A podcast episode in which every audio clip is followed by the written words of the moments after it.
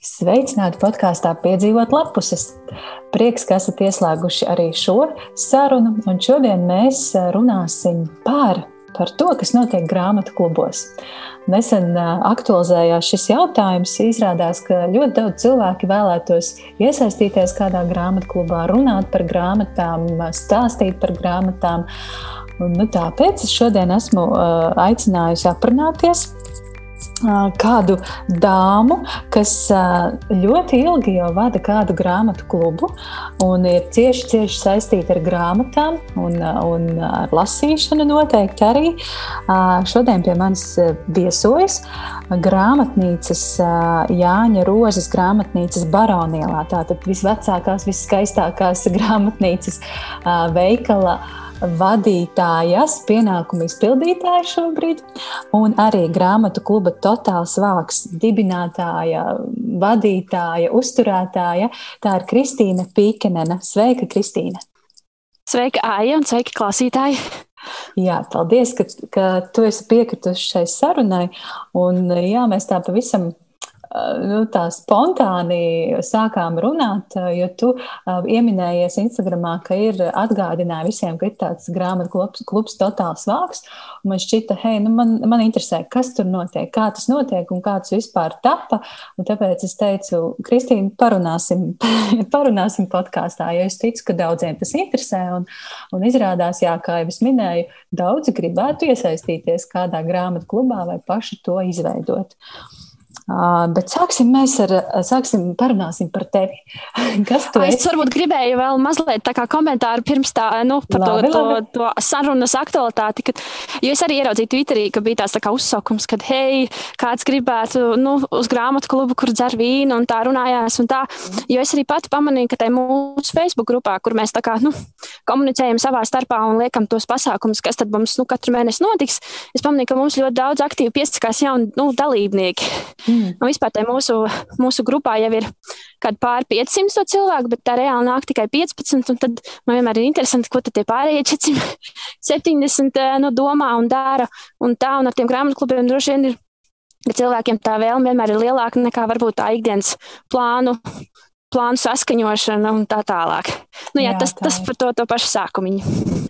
Jā, tas tā Jā. ir. Es, es pilnībā piekrītu, jo, jo vēlmes ir, bet tad, kad reāli ir jāsplāno tiešām tas laiks un, un, un, un varēšana un, un arī lasīšana galu galā, kas ir svarīga grāmatu kluba sastāvdaļa. Jā, un, un arī uzdrošināšanās runāt un izteikt savu viedokli, jo cilvēkiem es vienmēr aicinu kaut kādus nu, savus draugus, kaut kur no malas cilvēkus, nu, lai kāds nu, nāk vēl un tā. Un tad viņi tā kā, nu, nē, nu, man jau nebūs ko teikt, nu, ko es tur, nu, ko es tur teikšu. Tas, tas arī ir diezgan nu, būtiski cilvēkiem nu, prast izteikties par to, ko viņi ir izlasījuši, vai vispār ko viņi domā par lietām. Jā, tas, tas ir interesanti. Es par to tā nebiju iedomājusies. Jo, labi, mēs vēl parunāsim par grāmatu klubu. Es, Jā. gribēju tomēr mazliet par tevi aprunāties. Jā. Dari, bet mēs jau ieskrējāmies tādās interesantās tēmās. Tomēr, kas tu esi, ko tu dari un Kādas ir tavas attiecības ar lasīšanu, Kristīna? Uh, nu, es esmu cilvēks, kas jā, savu dzīvi ļoti daudz saistīts ar grāmatām, jo es strādāju grāmatu veikalā. Nu, tad kā visa mana dzīve ap to arī griežās, jo nu, tas ir mans ienākuma avots un mans prieka avots. Un man tam dēļ ir arī ģimene, jo savu vīru es esmu satikusi šajā nu, pasaulē. Un, Uh, mans ceļš uz turieni ir bijis ļoti uh, sarežģīts. Es esmu bērnībā varbūt nu, vairāk lasījusi, uh, nu, sākuma skolā diezgan aktīvi, un, uh, un arī pārējo laiku diezgan. Uh, diezgan daudz lasījusi, jo, piemēram, vidusskolā es pabeidzu literatūras klasi Nāgenskalna valsts gimnājā.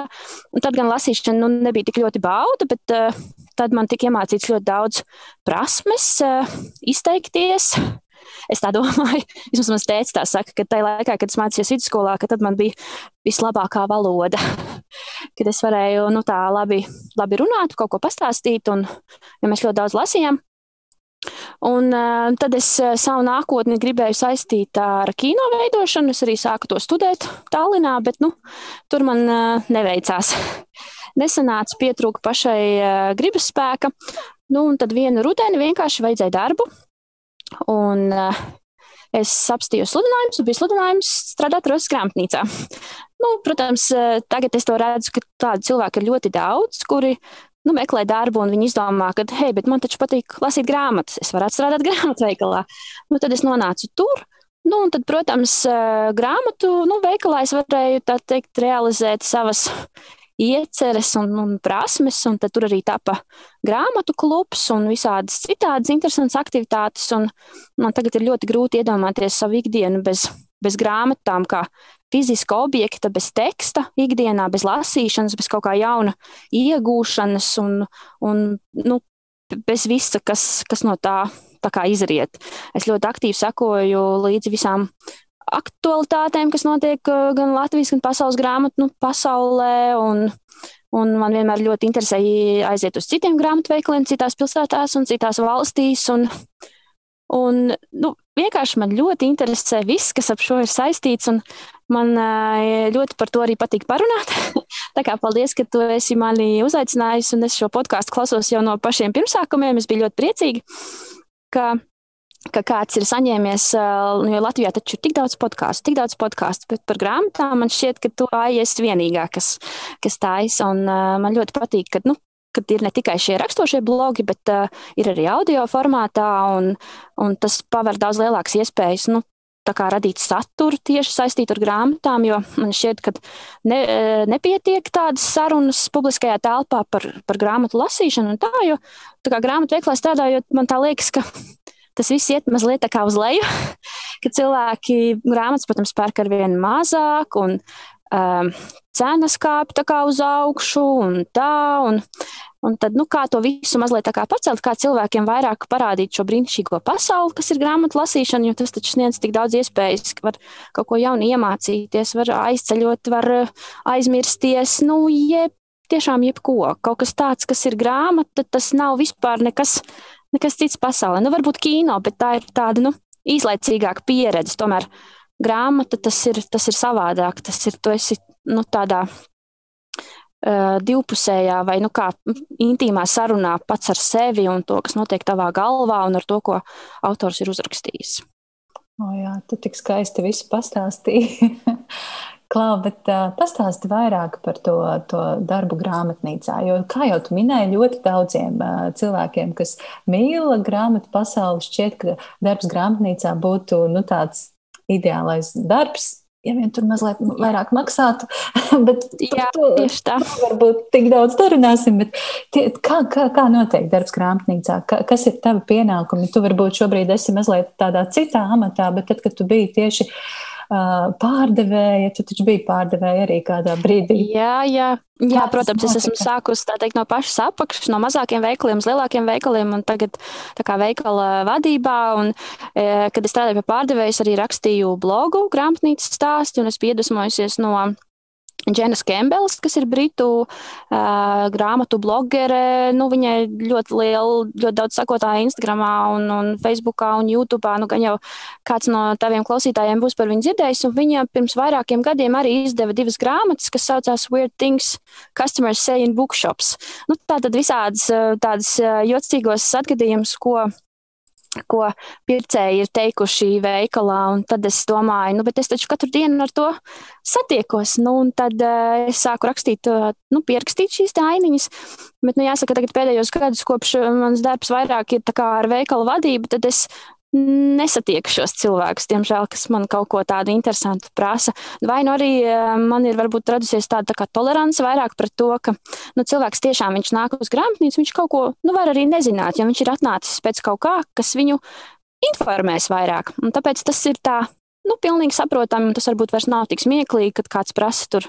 Nu, tur parasti bija kurjās par greju nokrāsām, tur 50 dažādos variantos, un Un nu, viss kaut kas, kas ir tāds pats, pats vienkāršākais. Vai jums ir grāmata, kas ir zilā krāsā un ar rokām virsū un tā tālāk. Jo mans uzdevums ir nu, šim cilvēkam atrast to, ko viņš meklēja. Nu, jā, un tad uh, visi, kas nāk strādāt uz grāmatu veikalu, viņiem, jā, viņiem ļoti patīk lasīt grāmatas. Tad viņi domā, nu, tagad es varēšu la lasīt, bet tā nu noteikti nav. Mums ir jālasa brīvajā laikā. Uh, mums ir jābūt informētiem par visu to, ko mēs uh, piedāvājam, uh, bet uh, nu, tā kā darba laikā to darīt uh, nevar.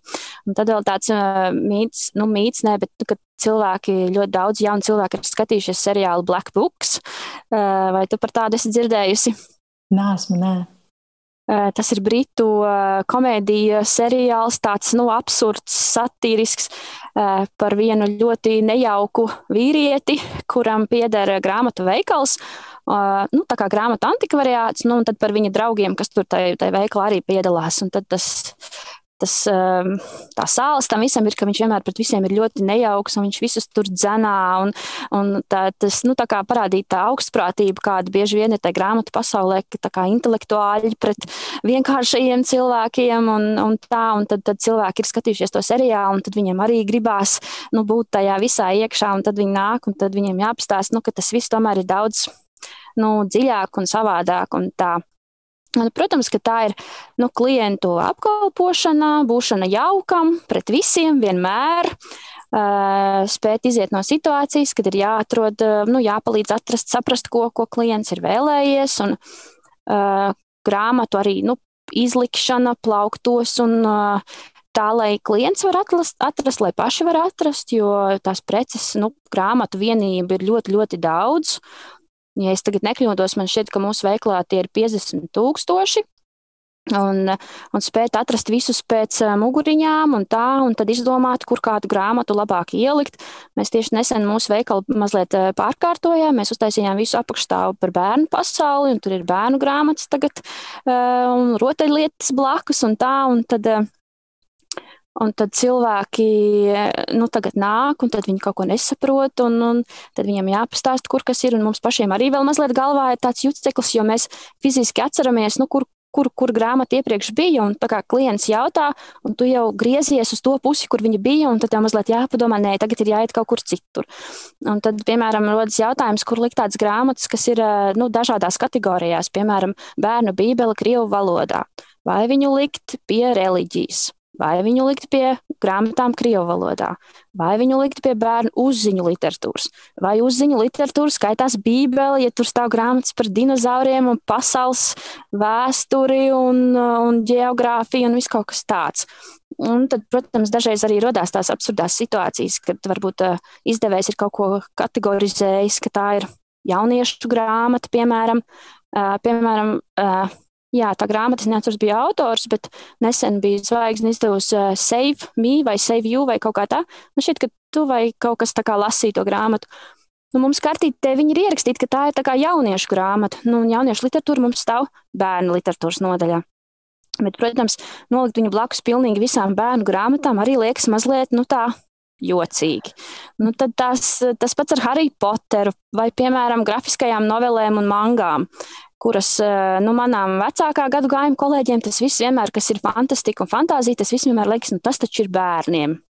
Piemēram, arī Sapkovskis mūsu veikalā, nu, tas, eh, nu, Vičers, nē, bet, nu, Ragans eh, tika nolikts pie bērnu grāmatām, jo tas taču ir, nu, bērniem, bet tur uz vāka ir reāli vīrietis ar asiņainu zobenu, nu, kad tad tās, tās dilemmas, ko, ko kā, nu, kā izdarīt tā, lai tas ir atrodams, saprotami un, un tā. Un, protams, strādājot grāmatu veiklā, vienmēr ir kārdinājumi, iegādāties visu pēc kārtas, izlasīt visu pēc kārtas, jo viss jauns, kas mums no ienāk veikalā, to visu mums ir iespēja aptaustīt, apskatīties, saprast, kas tas vispār ir. Un tad, nu jā, un tad, tad vienmēr ir tas aktuālais teiciens, ka tik daudz grāmatu, tik, daudz, tik maz laika.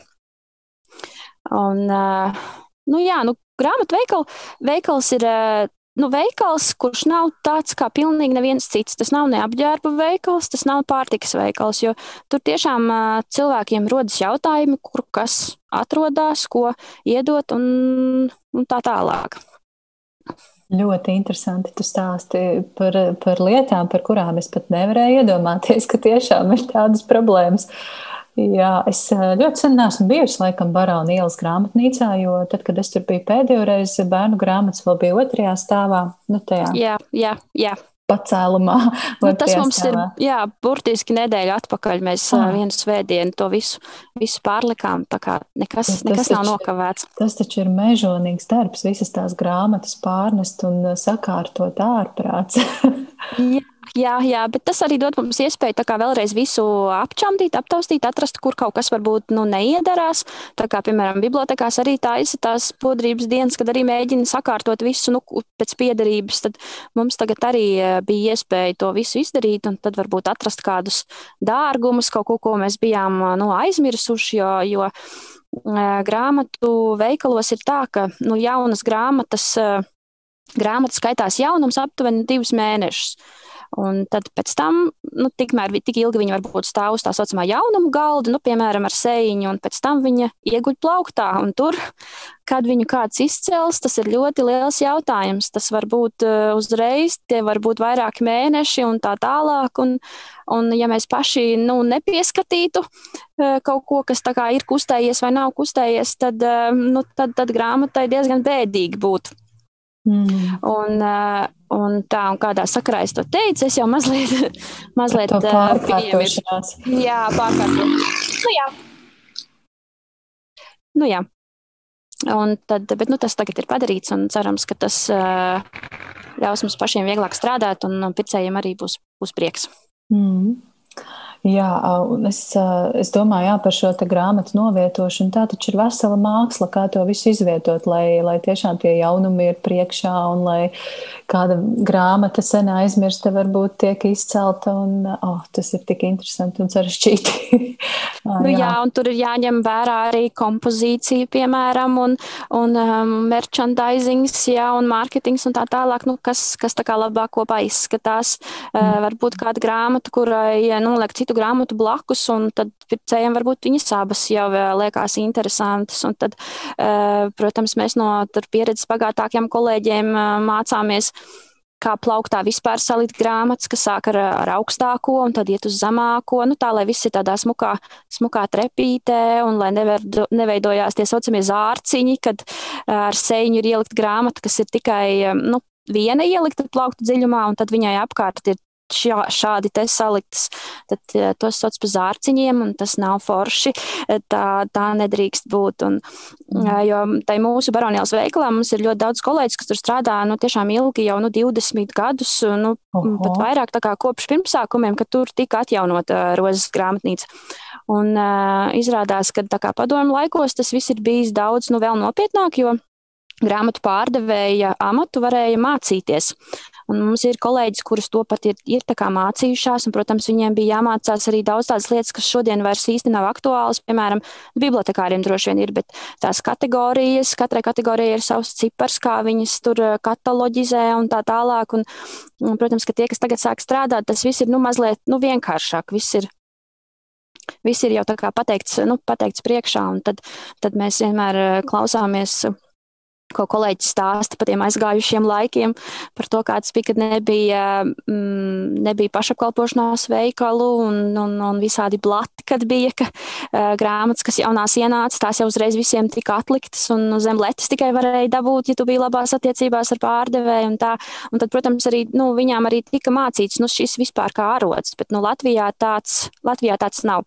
Šur tur Eiropā tas ir saglabājies, jo es uzturu sakarus arī ar citiem grāmatu pārdevējiem Eiropā, jo es iesaistos tādā kustībā, kas saucās Startautiskā jauno grāmatnieku uh, konference. Viņi tā kā skaitās, mēs nu, it kā reizi gadā tiekamies, bet uh, nu jau. Uh, Pēdējos dažus gadus tas notiek reizi, reizi divos gados, un tad sabrauc grāmatu pārdevēji no visas Eiropas, un tad mēs dalāmies pieredzē par to, kāds, kā, kā tas notiek citur Eiropā. Un tad, piemēram, Dānijā, jā, to ir iespējams nu, apgūt kā grāmatu pārdevēja arodu, un Vācijā arī tas tiek kā, nu, piedāvāts. Un, un, un, tas arī man šķiet nu, interesanti, ka cilvēki, kas ar to gribētu nodarboties, tas ir nu, pilnīgi cits atbalsts nozarei, kad ir kāds, kas nu, speciāli mācās. Lai, lai par to strādātu. Un tas atvieglo arī darba devējiem visus procesus un, un tā tālāk. Mm. Nu, tu pilnīgi atklāji man jaunu pasauli, par ko es nevarēju iedomāties iepriekš. Tiešām, ka par to var mācīties vēl. Kā jūs Barona ielā izlemjat, kuras grāmatas izlikt skatlogā? Jo reizēm ir šie skaistie skatlogi, kur pa visu logu ir viena grāmata. Nu, tur ir tā, ka es tagad nezinu, vai es varu atklāt e, šo komerci e, noslēpumu. Es tikai pateikšu to, ka nu, mēs paši, paši veikalā mēs to noteikti neizlemjam. Tas ir, to risina mārketinga daļa. Es tev varbūt pēc tam pati pačukstēšu, kā tas, kā tas notiek, bet nu, mēs varam atklāt to, ka tas, kas šobrīd ir aktuāls, kurš ir vēlējies tā teikt, sevi izlikt un sevi reklamēt, tas arī tiek pie iespējas. -hmm. Bet, eh, jā, bet tas, tas, tas eh, nenozīmē, ka tā ir nu, kāda viena konkrēta cilvēka izvēle vai kā. Tas nu, vienkārši tiek izmantots, lai, lai reklamētu, kas šobrīd ir aktuāls, jauns un, un tā. Mm. Nu jā, nu tas skaidrs, ka tas ir eh, reklāmas nolūkos, bet man ļoti interesē, jā, kā, kā, tad, kā tad tās grāmatas tiek pie šīs katloga. Bet labi, to tu man pačukstēsi varbūt jā. pēc tam, pēc, pēc ieraksta beigām. Uh, Tu minēji tādu skumju novēr, novērojumu, ka tev šķiet, ka arvien mazāk cilvēku pērk grāmatas, ka tas viss iet uz leju. Tiešām tā ir. Nu, Tiešām ir nu, tik. Tā liekas, nu nav varbūt pavisam skumji. Es tagad atceros tavu epizodi ar Andri no Prometēja, kurš arī ir mūsu grāmatu kluba dalībnieks. Un tad to viņa stāstu, ka, nu, nu jā, nu baigi spoži jau nu nav. Mēs redzam pēc tiem, teiksim, pārdošanas rādītājiem un Un pēc tā arī kā cenas, piemēram, kāpj. Tas arī ir cits jautājums, kāpēc cilvēkiem liekas, ka nu, kāpēc grāmatas ir tik dārgas un tagad norit cīņa. Nu, ne cīņa, bet tāda tā kā kampaņa jau ilgu laiku par to, lai valsts samazina to PVN grāmatām, jo šobrīd grāmatām ir 12%, lai būtu tie 5%, lai tomēr būtu cilvēkiem grāmatas nu, pieejamākas. Jo grūti jau salīdzināt kaut vai, piemēram, ar 10, 11 gadiem, cik maksāja grāmatas un cik viņas maksā tagad. Un, un, un man arī pašai personīgi, es saprotu, ka tas ir mans ienākuma avots un, un tā, bet, pir, piemēram, tulkotu nu, grāmatu par gandrīz 20 eiro, nu, tas tas ir tomēr diezgan nu, daudz. Un, ja es iedomājos, kādi cilvēki, nu, cik daudz Latvijā ir tādi, kuri to reāli var atļauties un atļauties, eh, cik bieži, mm, nu, tad skaidrs, ka ka kaut kas tā kā kārtībā īsti nav. Un, eh, un, protams, arī tas, ka veikali rīko šīs reklāmas, eh, nu, ne reklāmas, bet eh, akcijas kampaņas, kad dod par lētāku un tā, ka tas jau arī mazliet nu, nav pareizi, jo grāmata ir iznākusi, viņas cena ir tik, jo tieši to cenu ir izdevējs aprēķinājis, cik viņš pats ir ieguldījis savu laiku, un autortiesības, un autoram samaksāt, un ražošanu, un visu. Un, protams, arī tas, ka mēs viņu iz, nu, izliekam veikalā, un tur ir cilvēks, kurš zina par šo grāmatu pastāstīt, un tas viss tā kā veidojas. Un, protams, ka grāmatas cena nav neviens, ne divi, ne trīs eiro. Tas jau ir tāds mazliet, nu, tāds palīgā sauciens, ka nu, kaut kas tāds nav bijis pareizi. Vai nu pircējs nav gatavs maksāt nu, naudu par šo grāmatu, vai, vai, nu, vai viņai vispār nebija jāiznāk. Piemēram, nu, ja, ja, ja, ja izdevniecībai tagad nākas viņu atdot nu, pavisam mazu cenu, lai, lai tiktu no šīs grāmatas vaļā un lai varētu turpināt darbu nu, pie citiem, citiem projektiem. Un, uh, par tiem nu, pircējiem, cik ir daudz tādu, nu, uh, tagad īpaši uz Covid laiku, varbūt tas ir tā tendence, ir, ka nāk cilvēku stipri mazāk, bet viņi iepērkās uzreiz tur 5, 6 grāmatas, nu tā tad viņi gatavojās kaut kam lielam.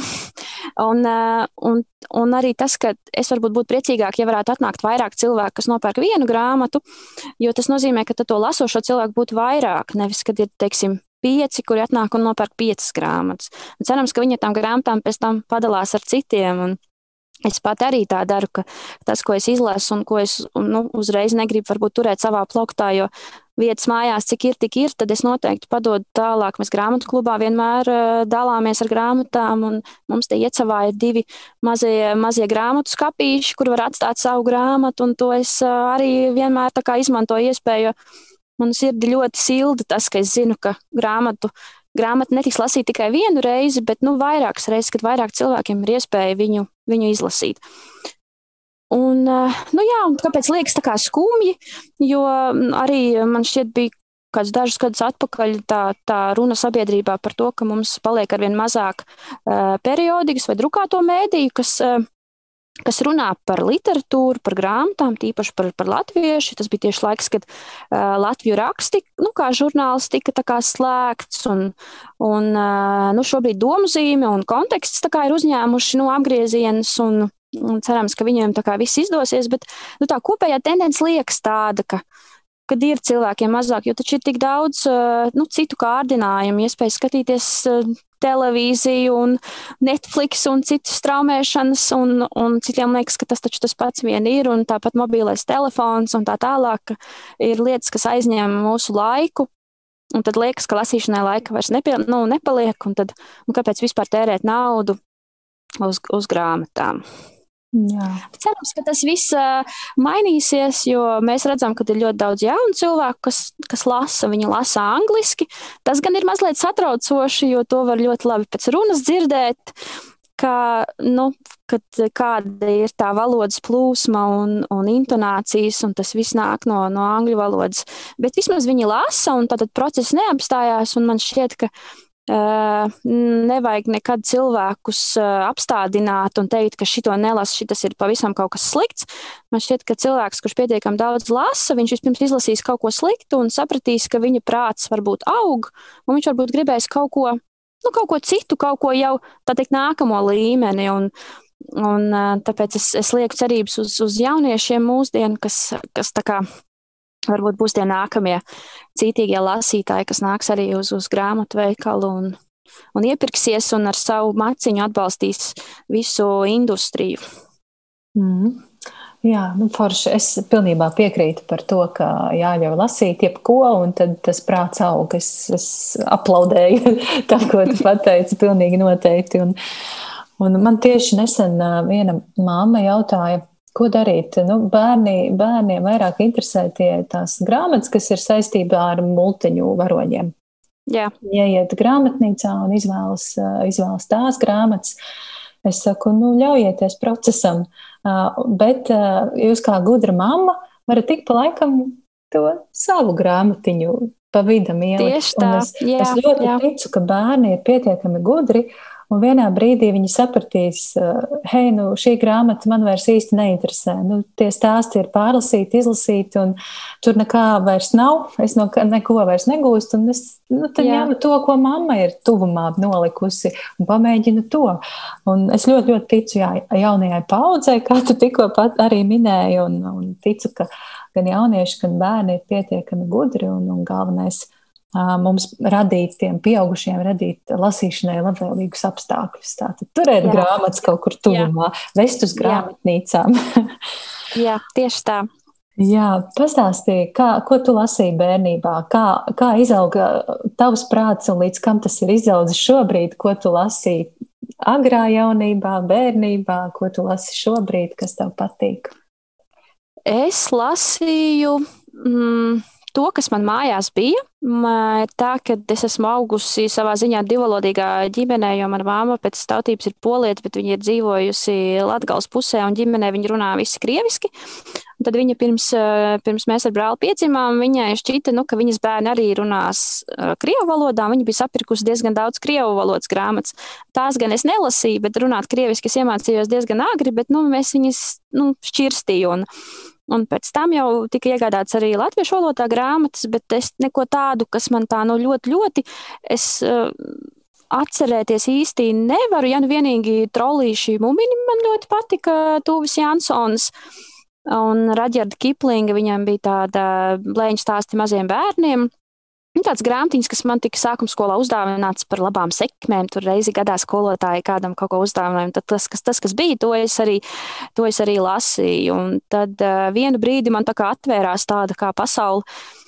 Protams, katru vasaru bija jālasa tā obligātā skolas literatūra, un tas, nu, tu varbūt piekritīs, tas mūsdienu piedā, nu, ne, mū, varbūt ne mūsdienu, bet ir ļoti liela daļa skolotāju, kurus joprojām maļ visu to pašu nu, veco. Un, un tur,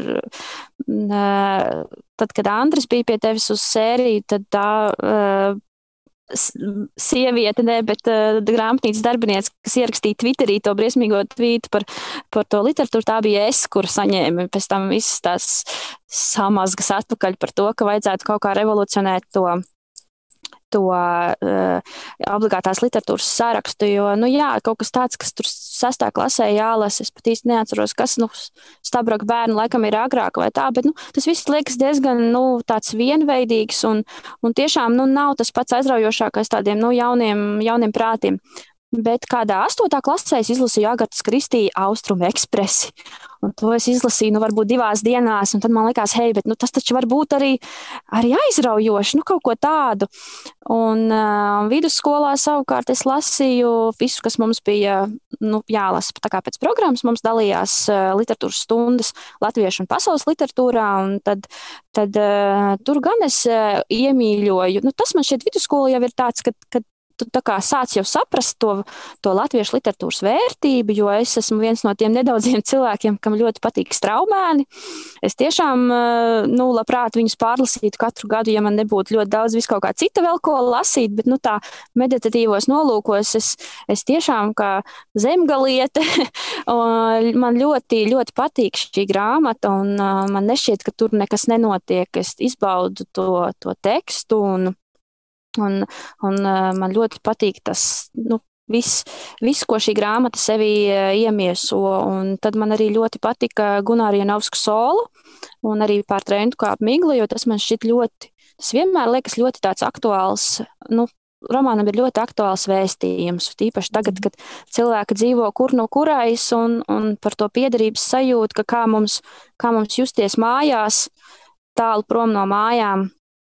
Un tā, Uh, bet tā neko daudz es tev par bērnību īsti pastāstīšu nevarēšu, jo es neteiktu, ka es tā lasīju visu pēc, es neesmu no tiem, kas lasīja visu pēc kārtas. Es uh, šo to lasīju, bet, bet nu, ne tā. Ne tā, ka pilnīgi, pilnīgi visu no A līdz Z, jo mājās grāmatu bija diezgan daudz. Vecmāmiņa bija, bija iegādājusi, un tās grāmatas joprojām stāv. Es viņas laika pa laikam paskatos, bet es neteiktu, ka tur būtu daudz kas tāds, ko es šobrīd gribētu lasīt. Jo, protams, padomju laikos viss, kas tika pieejams, viss ir mājās savilkts. Bet, uh, Bet, eh, bet es nesteidzos neko mest ārā, jo laika pa laikam varbūt pienāk reizes, kad grāmatas kļūst atkal uh, aktuālas. Jā, manai vecmāmiņai laikam arī bija blats grāmatnīcā, jo arī viņai ir tāds plaukts, vesela siena ar padomu laika, laikā izdotām grāmatām. jā, jā. Tā, un tad, ko es lasu šobrīd, tev varētu jā. būt jautājums. Jā, jā pastāsti. Manu lasīšanas eh, tempu un tēmas diezgan daudz diktē grāmatu klubs, par kuru mēs vēl runāsim. Jo katru mēnesi mēs izvēlamies vienu tēmu, pie kā pieturēties. Nu, tad, tad pēc tās tēmas arī mēģinu atrast kaut ko no saviem plauktiem, kas man mājās ir iegādāts. Un, eh, Pēdējā, ko es izlasīju, mums grāmatklubā bija tēma Dienvidamerika. Es biju grāmatu izstādē nozvejojusi grāmatu par Panamas cepurēm, kuras, kā izrādās, PIN Ekvadorā.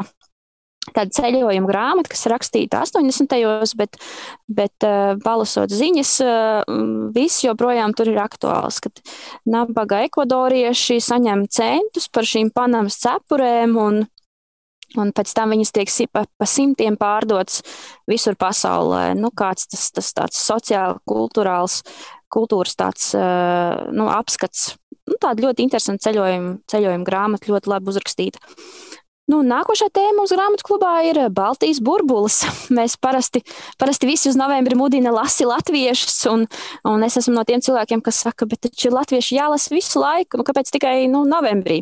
Ir īpaši vēl jau vairāk, ka mums ar to latviešu literatūru arī ir tā, ka tā nav tā pati uzmundrinošākā un jautrākā un dzīvespriecīgākā literatūra, tad nu, kur nu vēl novembrī visu to piedzīvot, ka tā kā vajadzētu lasīt, nu, laiku pa laikam visu. Bet tad mēs esam latvieši, nu, it kā latvieši arī var lasīt, kas grib, bet tā tad Baltijas, Igaunija un Lietuva. Un tad es paspēju izlasīt Sibīrijas haiku grāmatiņu, kas man ļoti patika, bet pēc citu cilvēku atsauksmēm man, es jau gaidīju kaut ko gaišāku un tādu mazliet priecīgāku. Jo visi saka, ir labi, ir labi, bet nav tik traki, kā visi domā. Bet man šķiet, ka viņi tomēr bija nu, diezgan smaga, kādai viņai arī ir jābūt. Un man ļoti patika, ka, nu, ka nebija tāds pavisam tāds nu, priecīgs tas iznākums, ka tomēr nu, nu, grāmata iznes, iznes to vajadzīgo svaru. Nu, salīdzinājumam, piemēram, es pati gan neesmu lasījusi šo grāmatu, bet martā arī iznāca Krievijas televīzijā seriāls Zuļēja Hatkrivaita glazā.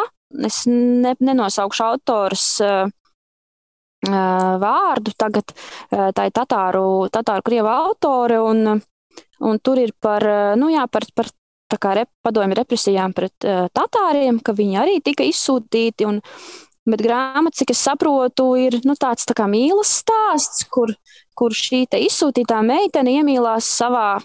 Nu, tā kā ne cietuma uzraugā, viņš bija tur viņiem kaut kāds brigadieris.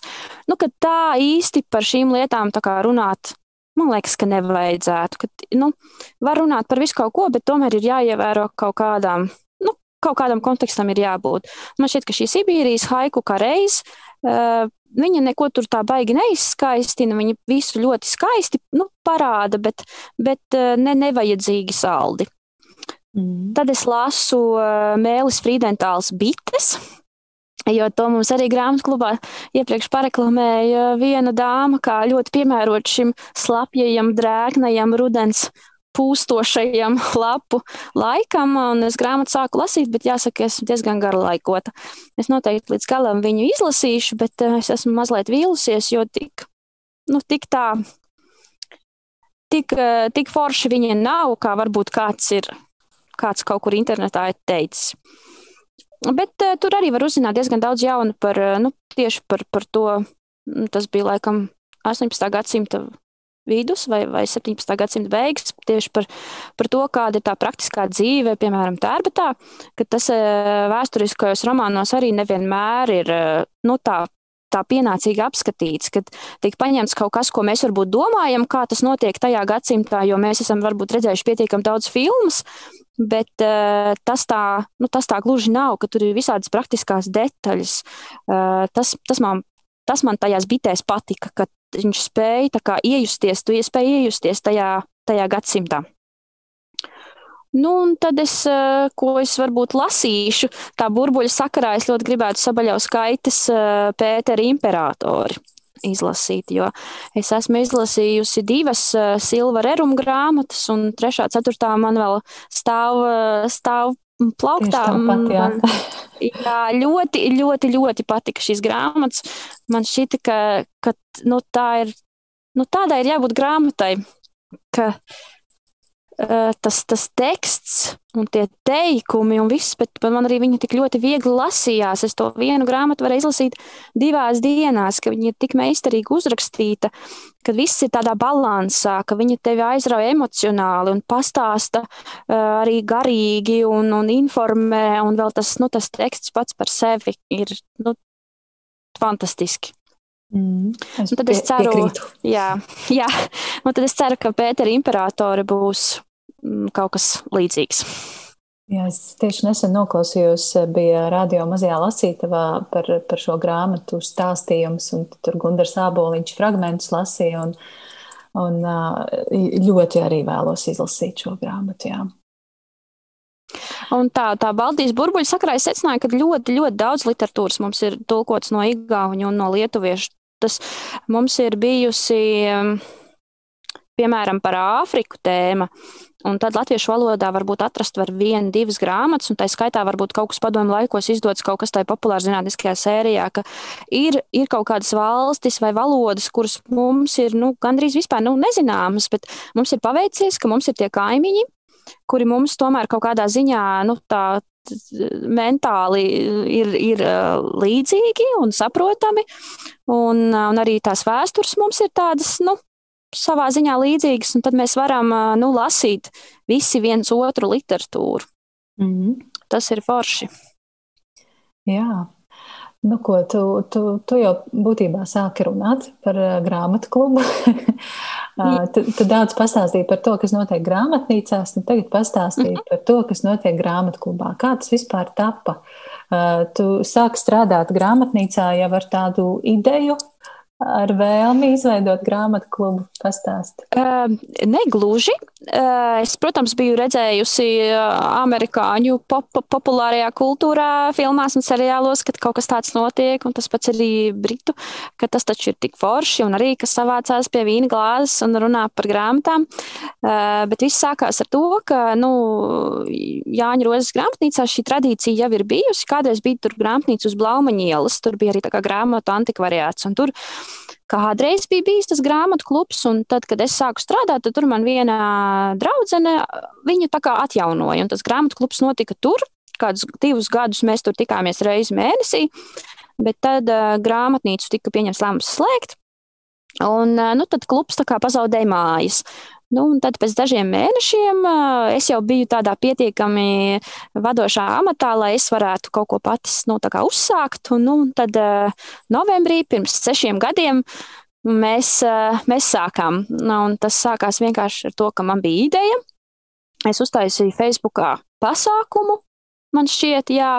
Un vēl es uzrakstīju, laikam, arī savā blogā vienkārši tādu, nu, uzsaukumu, ka nāciet visi, kas vēlās. Un, protams, ka uz to pirmo reizi es uzaicināju visus savus lasošos draugus. un, eh, un tad mēs uh, savācāmies kopā grāmatnīcā. Astoņos vakarā pēc tam, kad mēs nu, veikalu slēdzam, tad vienkārši izliekam krēslus, aplītī, uzlējam tēju. Un, uh, un runājam, nu, tad pirms sešiem gadiem mēs sākām, mēs vienojāmies, ka reizi mēnesī uh, Uh, mēs uzreiz sapratām, vai teiksim, tā mēs otrajā reizē sapratām, ka doma lasīt vienu grāmatu visiem nestrādās, jo cilvēki ir ļoti dažādi. Uh, uz to pirmo reizi mēs vienkārši runājām nu, par katrs par saviem lasīšanas paradumiem un kas mums patīk. Un, un tad uz otro reizi, kas jau bija decembris, mēs domājam, nu, kaut ko ar sniegu saistītu. Nu, tad tēma bija sniega, sniegs vai ziema, nu, kaut kas tāds. Nu, tad, ja, lai izmēģinātu to, kā ir visiem lasīt vienu grāmatu, mēs pacēlām ļoti smagu ķieģeli, dvēseli puteni. nu, nu, un tad no tiem 11 cilvēkiem divi bija iesākuši un viss, un pārējie lasīja vienkārši savu nu, sniegu un, un ziemu un tā. Un tad pie tā mēs arī esam turējušies, jo to mēs tiešām esam sapratuši, ka nu, tas to ir ļoti, to var varbūt izdarīt 3 līdz 5 cilvēki nu, kas ir tiešām uz viena viļņa, un lasīt, bet nu, tā, ka speciāli cilvēku spīdzināt un tagad meklēt rokā vienu konkrētu grāmatu, ka tas ir nu, pa sarežģīti un tas nodzen, nodzen to, to prieku no tā visa. Kaut gan mēs secinām, ka Ir grāmatas, kuras mēs esam izlasījuši pilnīgi visi cilvēki klubā. Vienkārši katrs savā laikā, jo izlasa viens, kāds atnes to fizisko eksemplāru, un tad tā grāmata ceļo turp atpakaļ. Bet tur atkal ir tāds, arī mums jau parādījies parādīsies tāda lieta, ka um, tas tāds kā lāsts, jo vairāk cilvēku klubā pasaka, ka šī tā baigta labā grāmata, tad būs pēdējie divi, trīs, kas pateiks, kas tas vispār ir. Un tas ir tāds, eh, nu, ja var lietot eh, šo vārdu no angļu valodas, overhypes. Kad visi ir tā atcerējušies, ka šī būs ļoti laba, un tad tīri statistiski sanāk, ka no desmit cilvēkiem nu viens vai divi būs tie, kam tomēr tā grāmata neaizies. Un tad mēs mhm. esam tagad jau arī sākuši mazliet piesardzīgāk skatīties uz to, ka kāds kaut ko sareklamē. Tad mēs varbūt, ja mums kaut kas ļoti patīk, mēs varbūt mazliet mazāk par to pasakām, lai nebūtu tā, ka cilvēks atcerās un tad viņi lasa, un tad viņiem nu, kaut, kas, kaut kas tā kā nav. Nu, Tātad mēs tiekamies reizi mēnesī. Mēs esam tagad kādi regulārie 15 cilvēki no tiem, ar kuriem mēs sākām pirms sešiem gadiem. Uh, man šķiet, divi, izņemot mani, vēl ir tie, kas nāk. Un ir cilvēki, kas ir vienkārši laika gaitā pievienojušies. Nu, jau mūsu vidū ir tā saucamās slavenības, piemēram, Līva Alksne nāk, grāmatu blogere, un arī tad varbūt grāmatu blogeru aprindās zinām kā Sibila, Santa pie mums nāk, un tad Andris no Prometēja vienmēr dalās ar nu, kaut kādiem iekšēju, iekšēju, iekšēju informāciju par, par izdevēju darbību. Un, un, un tā tad nāk vienkārši nu, cilvēki, cilvēki parasti, kur, kur ir vienmēr ļoti interesanti nu, redzēt, redzēt vaigā to cilvēku, kurš lasa, un tad saprast to, ka to cilvēku, tie cilvēki ir ļoti, ļoti, ļoti dažādi. Un kā viens runā par grāmatām, kā otrs runā par grāmatām, bet tas, tā ziņa, ko viņi pasaka, tā jau ir visiem vienāda. Vienkārši nu, kādos vārdos viņi to to ietērpj. Un, un tad tā mīlestība uz grāmatām un vienkārši uz tekstu, ka tas jau ir tāds universāls jēdziens, un to visiem acīs var nolasīt. Un, Un kad kāds kaut ko izstāsta, kad ir kaut kas forši izlasīts, tad, tad citiem arī uzreiz iedegās acis, ka, oh, jā, šo varētu izlasīt un, un tā. Un, uh, mēs gan vienmēr nu, reklamējam, jā, ka var nākt un tā, bet ar to, ar to dalību cilvēkiem ir tā, ka cilvēki diezgan kūtri. Varbūt viņiem šķiet, ka viņi neiederēsies. Varbūt viņiem ir bail, ka tur jau viss ir baigie draugi. Nu, it kā mēs esam, bet mēs noteikti katru nu, ņemam, ņemam tiešām pretī ar interesi katru cilvēku, kurš, kurš grib nākt. Un, un, un tad jau liek, nu, ļaujam cilvēkam pašam saprast, kā, vai viņam te patīk vai nē. Jo mums ir bijis tā, ka pirms dažiem gadiem par to mūsu grāmatu klubu rakstīja arī domzīme brīvdienas. Tur bija tāda maza slēņa. Mēs jau sabijāmies ārprāts, kas tagad būs, ja tādā žurnālā ir atnāks mums, eh, tur es nezinu, mums pietrūks krēslu vai ko. Un, nu, kad, jo nu, vairāk cilvēkiem ir grūtāk runāt. Kaut kā tie, tie līdz 15 arī ir tāds no nu, optimāls, jo tas laiks arī ir kāds trīs stundas, un pēc tam jau cilvēkiem arī darbdienas vakarā sāk nākt miegs un, un nogurums un tā. Un, Nu, kad, nu, kad nemaz tik daudz to dalībnieku arī nebūtu vēlams, tad mēs sabijāmies, ka būs, bet neviens neatnāca. Piezvanīja tikai viena sieviete, kura pajautāja, kas tas vispār ir un vai var nākt. Tā. tā kā tas tāds Twitter uzsaukums, es ļoti ceru, ka kaut kur radīsies vēl tādi grāmatu klubi, un kad es iesaku cilvēkiem tiešām dalīties tādās mazākās grupiņās, vienkārši nu, savākties un runāt, un tad jau, tad jau saprast, nu, kas, kāds viņiem temps ter un, un vai dara tēmas vai kas. Un, Un tā, bet nu, pie mums, protams, arī, arī var nākt, vēl mums krēsli ir. Un, un tā. Un, nu, kad, protams, ar jauniem ierobežojumiem valstī mēs uh, droši vien nākošās reizes tiksimies virtuāli, tad varbūt pievienoties būs vēl vieglāk. Un, uh, Un tad var izslēgt mikrofonu, izslēgt kameru un vispār, vispār sakot visam līdzi un nebaidīties no kāda spiediena, socializēties un, un tā. Mm. Da, bet, eh, bet ja, ja, ja man ir interese vai kādam klausītājam ir interese, tad var atrast Facebookā, ja? Nosaukums Totāls jā, Facebookā, vāks. Jā, grāmatu klubs Totāls vāks. Mm -hmm. un uh, pieteikties tajā grupiņā, un tad tur es arī vienmēr publicēju, kad mums kāds nākošais, kad konkrēti notiek pasākums, tā ir katra mēneša otrā otrdiena, mm un tur ir arī uzrakstīta tēma, kas, kas tur būs. Bet, bet tā tēma tas ir tikai tāds pieturas punkts. Tas nenozīmē, ka ir obligāti jārunā tikai par to. Vienkārši var stāstīt, var nestāstīt par to, kas ir izlasīts, kas, kādi ir bijuši lasīšanas piedzīvojumi. Un, un tā, jo, protams, ka paralēli tai tēmai cilvēki, kuri lasa daudz, izlasa arī vēl visu kaut ko citu, kas ir aktuāls. Tad mēs pārunājam arī visādas nu, grāmatu pasaulē aktualitātes, kur kas jauns iznācis, kur kādi skandāliņi un tā tālāk. Mm -hmm. Ļoti interesanti. Es, es jau tev rakstīju, lūdzu, sāciet šīs sarunas ierakstīt un publicēt podkāstu veidā vai kaut kā, jo, manuprāt, tas būtu ļoti interesanti padomā par šo domu.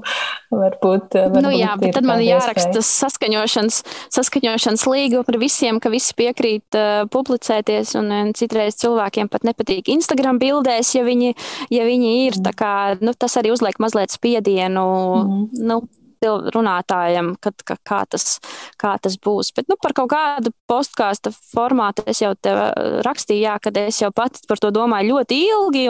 Es zinu, ka draugi man ir atmetuši cerības, ka es kādreiz kaut ko izdarīšu, bet nu, vīrs man visu laiku mudina. Jo viņam ir mikrofons labs, un viņš ir gatavs visu man tehniski nodrošināt. Tā ir tikai svarīgākais sākt, bet tas ir arī tas grūtākais solis.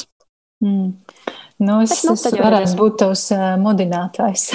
Reizi mēnesī uzrakstīt Kristīnu, kad būs podkāsts. Gaidu, gaidu.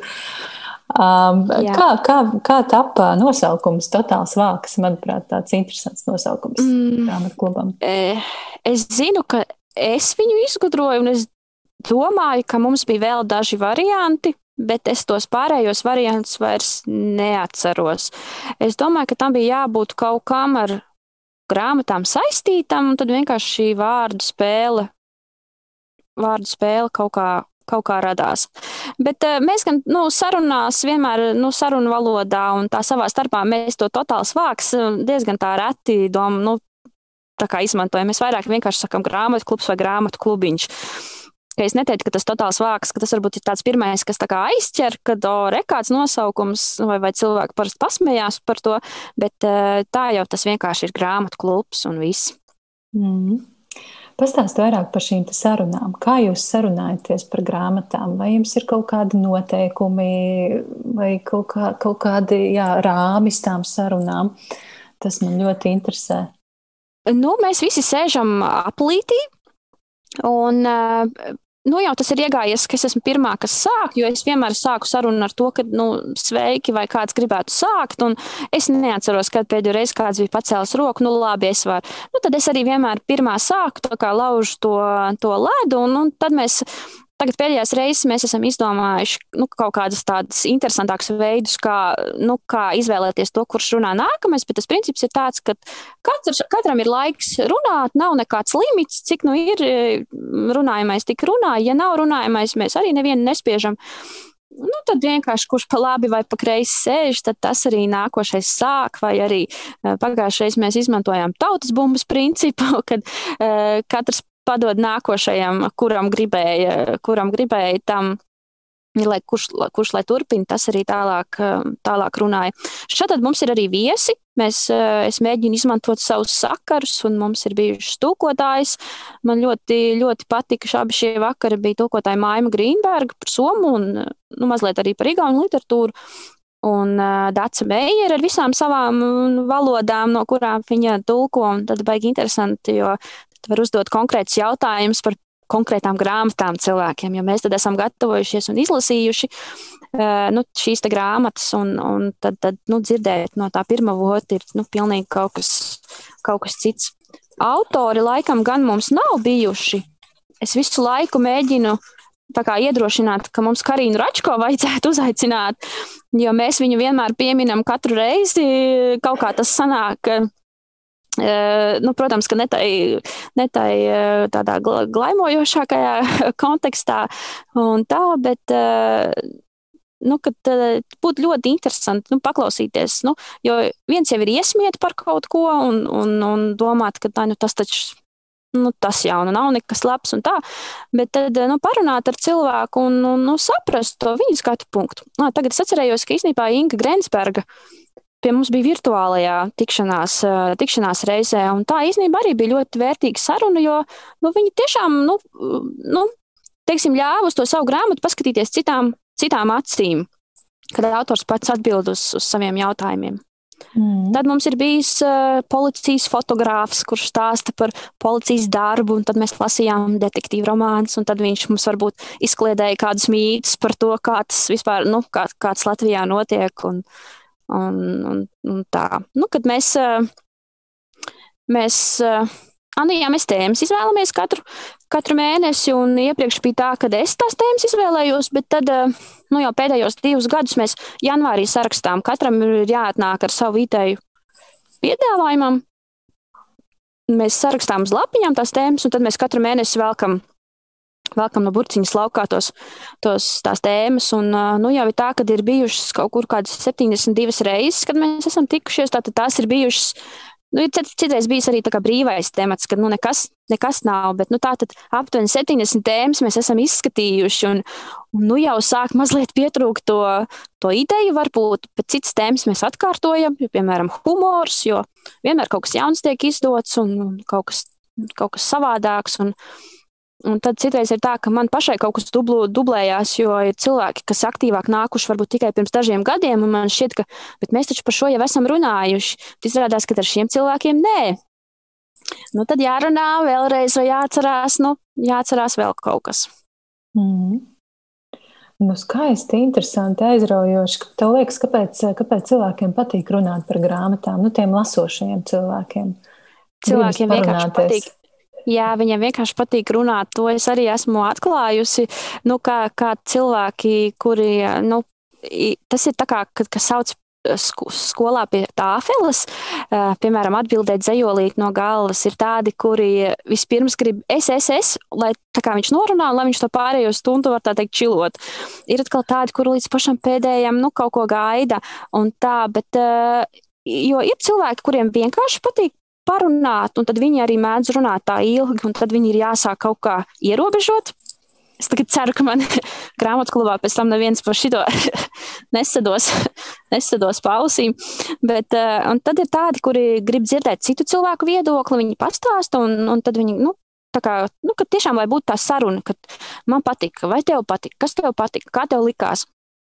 Un tā, bet, nu, jā, jo lasīt jau tu vari, tu visu sūti sevi iekšā, bet tev gribās arī kaut ko nu, izfiltrēt un pēc tam laist, laist ārā. Un, un, un tā kā, nu, vienkārši par to, par to parunāt, ko tu saprati, kā tev likās. Jo ir taču grāmatas tādas, kuras mēs izlasām, un mums viņas ilgi pēc tam paliek pie mums. Man pašai ir, es pat īstenībā brīnos par dažām grāmatām, kuras ar mani dzīvo joprojām, ka man laika pa laikam ir jāpadomā, jau, bet šitā, šāda grāmata bija. Un, īstenībā viens tāds, es pati nesaprotu, kāpēc tas tā ir, bet tāda grāmata ir. Mm, Atkal es autoru, diemžēl, neatceros, bet tā bija kaut kāda nu, totāla lubene. Mm, bija Nosaukums bija laikam Vara Jātnieks, angliski es neatceros, kā viņš bija, bet nu, tā ir tā kā, uh, laikam, amerikāņu autors triloģija, tā bija pirmā grāmata par tāds mīlas stāsts, kas notiek uh, Pēterburgas, nu, Ļeņingradas blokādes laikā. Uh, nu, tāds arī totāls pārspīlējums, ka tur pirmā grāmatas puse ir, kad visa ģimene meitenei nu, mirst nu, no bāda un, un tā tālāk, jo ir tā tā blokāde, un tad viņi ir iemīlējušies kaut kādā krievu karavīrā, un tas karavīrs, protams, ir. Viņš laikam bija kaut kāds pusamerikānis vai kā, un viņš, protams, bija ļoti tāds no, idealizēts, ka viņam ir tur skaisti zobi, un viņš ir ļoti pieklājīgs, un tāds pilnīgs kontrasts tādam vidējam krievu vīrietim, kur mēs varbūt no, no, no, no, no citām grāmatām vai televīzijas varbūt varētu domāt, ka tas tā ir. Nu, tad otra puse grāmatas bija īstenībā tāds, nu, nu, vienkārši seks, tikai seks. un tā grāmata bija ļoti bieza, bet es viņu lasīju, kad es biju nu, stāvoklī pirms kādiem diviem gadiem. Un es, eh, es nezinu, kāpēc, bet man par to grāmatu joprojām ir jādomā. Bet tā, ka kas man tur tā baigi aizrāva, es nezinu. Un citreiz ir tā, ka es nāku uz grāmatu klubu, un man tagad ir jāsāk nu, runāt, ko es esmu izlasījusi. Un ir tā, ka es nevaru atcerēties vispār neko. Piemēram, es Alessandro Bariko, kurš ir viens no mīļākajiem autoriem, viņa grāmatu Misters Gvins. Es viņu biju kaut nu, uz to konkrēto reizi nesen izlasījusi, un es, es, man tagad būtu jāstāsta, ko es esmu izlasījusi. Un es tikai pēc tam, kad kāds cits ir norunājis, sapratu, bet es taču izlasīju vēl šo. Un tad es domāju, kāpēc tā grāmata man, nu, kāpēc tā man tik ļoti nav iesēdusies, bet kaut kāda cita, kaut kāda cita ir. Varbūt tas ir no tā, ka tik daudz lasa un visu jau galvā paturēt nevar, un, un tās vietas, cik ir cietajā diskā, tik ir. Jā, cilvēka prāts ir eh, neizdi, neizdibināms, un tiešām kaut kas iesēžas ļoti, ļoti, un, un kaut kas pazūd tajos failiņos. Bet uh, par grāmatu klubiem runājot, un vispār par tādām sarunām par grāmatām, manuprāt, vislabākais, vislieliskākais ir tas, ka tās grāmatas reizēm atklājas pavisam citā jaudā un plāksnē, klausoties citu stāstījumus par tām, jo, jo paši mēs lasām, bet nu, neieraugām to grāmatu tā, kā to ir ieraudzījis cits. Un tad, kad nu, citi par to pastāsta, tad gribas vēlreiz pārlasīt un pārliecināties, vai tiešām tur ir tas un kā es to nepamanīju. O, jā, ļoti interesanti, ka mēs katrs vienu lietu uztveram tik dažādi. Jā, to es esmu sapratusi, runājot ar izdevējiem, ka izdevēji paši par savām grāmatām māki vislabāk pastāstīt. Piemēram, Renāta Punga, kas ir Jāņa Rozes apgāde direktori, viņa mums šeit nāk uz nu, grāmatu veikalu un pastāsta nu, par jaunumiem, kad mēs, nu, lai mēs vairāk saprastu, izprastu šīs grāmatas, jo pašiem nav laika visu izlasīt. Un tad, tad kā viņa stāsta par, grām, par katru grāmatu, kas ir izdota, nu, tad viņam momentāli gribās skriet un, un lasīt, ka, ka tas cilvēks, nu, viņš ir bijis ar to grāmatu jau no paša sākuma izdomājis viņu izdot. Varbūt arī pati viņa šeit arī tulko. Un, un tad, tad, tad atvest viņu līdz tam pircējam, un tad mācīt divos teikumos izstāstīt tā, ka, oh, jā, šito grāmatu es gribu, gribu izlasīt. Mm. Jā, skaisti. Uh, tu daudz jau pastāstīji par, par to, ko tu esi lasījusi un, un ko tu iesaki izlasīt, bet varbūt ir vēl kaut kāds tāds tavs top 5 visu laiku labāko grāmatu, top 5, ko tu iesaki, iesaki no sevis citiem Un varbūt, varbūt ir kādi draugi, kā, eh, tā kā doktoriem vienmēr visi prasa, kā man, kāpēc man te sāp, un vai tur zobārstiem prasa, vai ne, psihoterapeitiem prasa, kāpēc es tik slikti jūtos. Varbūt tev kā grāmatu cilvēkam, kas strādā grāmatnīcā, cilvēki jautā, iesaki man kaut ko palasīt. Ir tā bijis. Jā, jā, jo arī cilvēki jautā, piemēram, nu, dāvināt kaut ko, bet tur arī, ja lasošam cilvēkam, tu zini, ka tu nevari ieteikt neko, kas ir nu, uz jaunumiem, jo var jau būt, ka cilvēkam tas ir, un tad nāks meklēt tos apslēptos dārgumus. Es eh, pirms dažiem gadiem grāmatnīcā eh, realizēju to aklais randiņš ar grāmatu projektu, nu, kas, protams, ārzemju grāmatnīcās mēs esam redzējuši notiek jau sen. Eh, un tad, bija, tad tur es liku kā reiz tādas grāmatas, kuras man šķiet ir nepelnīti nu, aizmirstas, kuras varbūt es esmu pat izlasījusi un sapratusi, ka tā ir ļoti laba grāmata, bet, um, bet nu, kaut kā viņa vai nu vāciņš nav bijis pareizs uztaisīts, vai viņai nav bijusi reklāma, vai vienkārši kaut kāda ap, ap, apstākļu sakritība. Un nu nav. Nu, nav. Un tad es esmu bijusi vienmēr ļoti priecīga, ka man izdodas nu, kā, iesmērēt cilvēkiem šīs, šīs grāmatas. Uh, par to, ko es ieteiktu izlasīt, es varbūt padomu, es par šo mazliet jau padomāju iepriekš, un es domāju, ka es varbūt varētu pastāstīt par grāmatām, kuras ir kā, tiešāk saistītas ar manu nozari. Piemēram, tās ir tās grāmatas par grāmatām un citu grāmatu pārdevēju memoāri. Kaut kas, ko es varu ieteikt katram izlasīt, jo man šķiet, ka to var atrast internetā. Tā ir Džordža eh, Orvela uh, eseja. Mm, man šķiet, viņa saucās tā arī vienkārši on bookselling, jo Džordžs Orvels ir savā laikā arī kādreiz pastādājis grāmatu veikalā, un tad viņš ir Šī esē ir kādas nu, trīs, četras lapas gara, un tur viņš ir salicis to grāmatu pārdošanas esenci. Visus tos neiedzīgos pārdevējus, tad visu to, nu, to, to, to, to procesu, kas ir tā pati pārdošana un, un Ziemassvētku kartīšu pasūtīšanu jūlijā un tā tālāk, bet arī to, nu, to, to, nu, to, to kaisli uz grāmatām, kā tas ir strādāt grāmatu veikalā.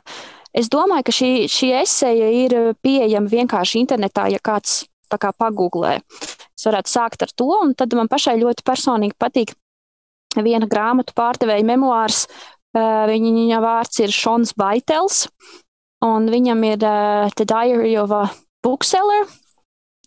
Viņš ir arī diezgan slavens grāmatu pārdevēju uh, vidū, nu, tieši ar to, ka viņš ir izdomājis uzrakstīt savu memoāru. Viņam pieder, uh, kā viņš pats saka, lielākais grāmatu veikals, lietoto grāmatu veikals Skotijā.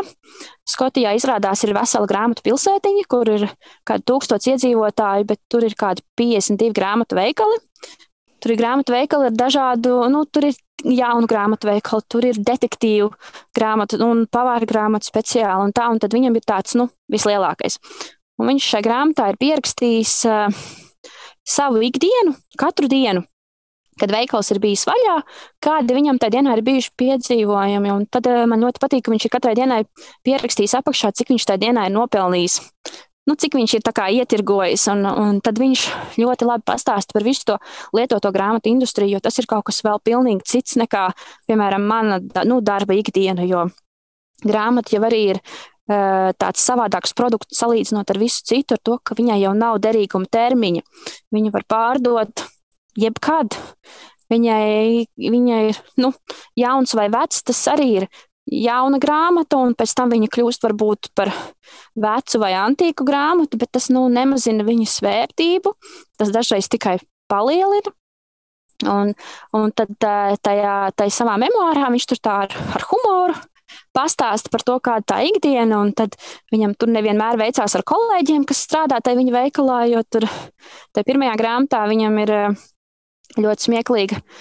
Viņa kolēģe, kura ir kristiete, man šķiet, viņa bija ļoti tāda kaislīga, un tad viņi abi divi cīnījās vienmēr par, eh, kur likt Darvina Darvina Origin of Species, ka viņš to arī liek tur pie nu, zinātniskās vai vēstures, vai kur, un tad viņa liek to pie zinātniskās fantastikas.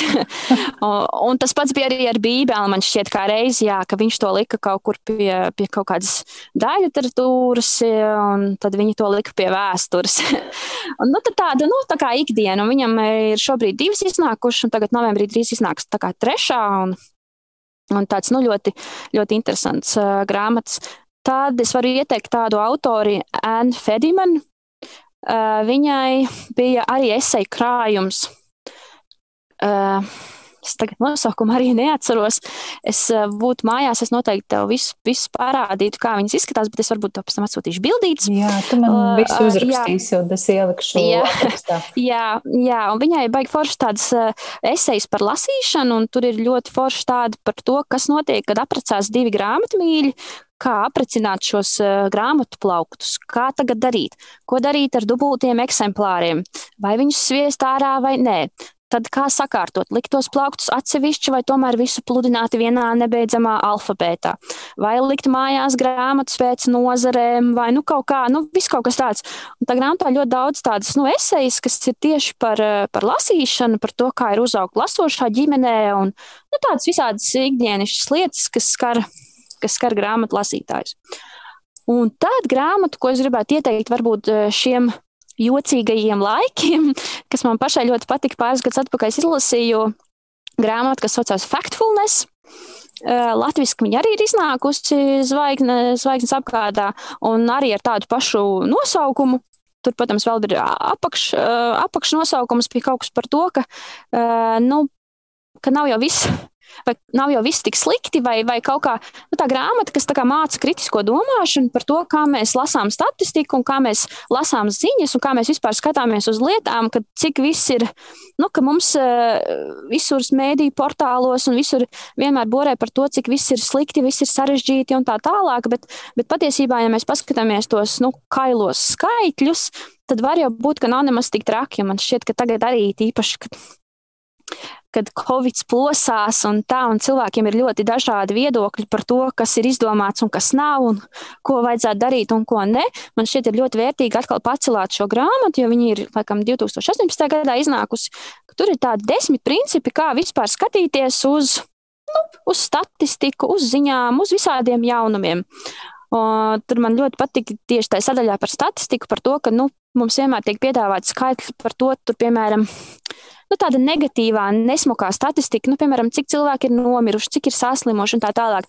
Kad ir taču iespēja paskatīties uz nu, šo statistikas prizmu, uz kaut kādām daudz patīkamākām lietām, piemēram, uz uh, ģitāras, uz kvadrātkilometru, piemēram, cik tur Meksikas pilsētā ir ģitāras uz, uz kvadrātkilometru. Tas nozīmē, ka, ja, ja ģimenē ir tā ģitāra, tad, tad tur ir kāds, kas ar to nodarbojas, kurš rada mūziku, kurš attīsta savas radošās prasmes. Un tad mēs varam paskatīties nu, uz, kaut ko, uz kaut ko tādu, un tad varbūt nu, tas skats uz to rītdienu nešķiet tik, tik drūms un, un tāds tik tumšs. Mm. Bet vispār es visus gribētu mudināt vienkārši nākt uz grāmatu veikalu un uh, jautāt savam tuvākajam grāmatu pārdevējam, kāds ir viņa viedoklis, lai pastāstītu, kas ir labs, ko vajadzētu izlasīt, ko vajadzētu parādīt, un noteikti kāds jums varēs atrast kaut ko, kas ir tam brīdim. Tam brīdim piemērots, ka vajag izmantot šo iespēju un nekad nevajag baidīties pārdevējiem jautāt, kur kas atrodas, vai kādu grāmatu, ko, ko ieteikt, vai ko citi saka, un tā, jo šie cilvēki vienmēr būs atvērti un gatavi kaut ko, kaut ko, kaut ko ieteikt un, un uz kaut ko uzvedināt. Es ticu, ka grāmatnīcās strādā cilvēki, kam ļoti patīk runāt par grāmatām un stāstīt par grāmatām un, un palīdzēt noteikti iegādāties tās arī citiem. Jā. Jā, Klau, Kristīna, mēs esam nu, pamatīgi izrunājušās. Es īstenībā esmu runājusi maz. Jā, es ļoti žēl, jo parasti jau tu arī stāsti par to, ko tu esi izlasījusi un ko tu, ko tu lasīsi un tā tālāk. Bet tu tik burvīgi visu esi izstāstījusi, un man ir tāds prieks runāt ar tevi šodien, jo es, es jūtu, cik ļoti tuva tev ir šī tēma, cik tu dziļi tajā esi visā iekšā un ar kādu atdevi tu strādā uh, savā darbā un arī grāmatu klubā. Milzīgs paldies tev par to! Paldies, ka man uzaicināji! paldies tev par šo sarunu un paldies arī klausītājiem. Mēs noteikti tiksimies vēl, vai ne, Kristīna? Jā, katru dienu, katru dienu veikalā un citur arī. Jā, tā kā paldies un uz tikšanos nākamreiz. Atā. Atā, atā. Tas šodien arī viss. Paldies, ka noklausījies! Ja tev patika un likās noderīga šī saruna, noteikti uzraksti savas pārdomas Facebook vai Instagram, vai varbūt uzraksti man e-pastu uz piedzīvot atgmail.com. Vēlēs atbalstīt podkāstu tapšanu? Dodies uz www.patreon.com šķērsvītra piedzīvot un kļūsti par podkāsta mīļāko atbalstītāju, jeb patronu.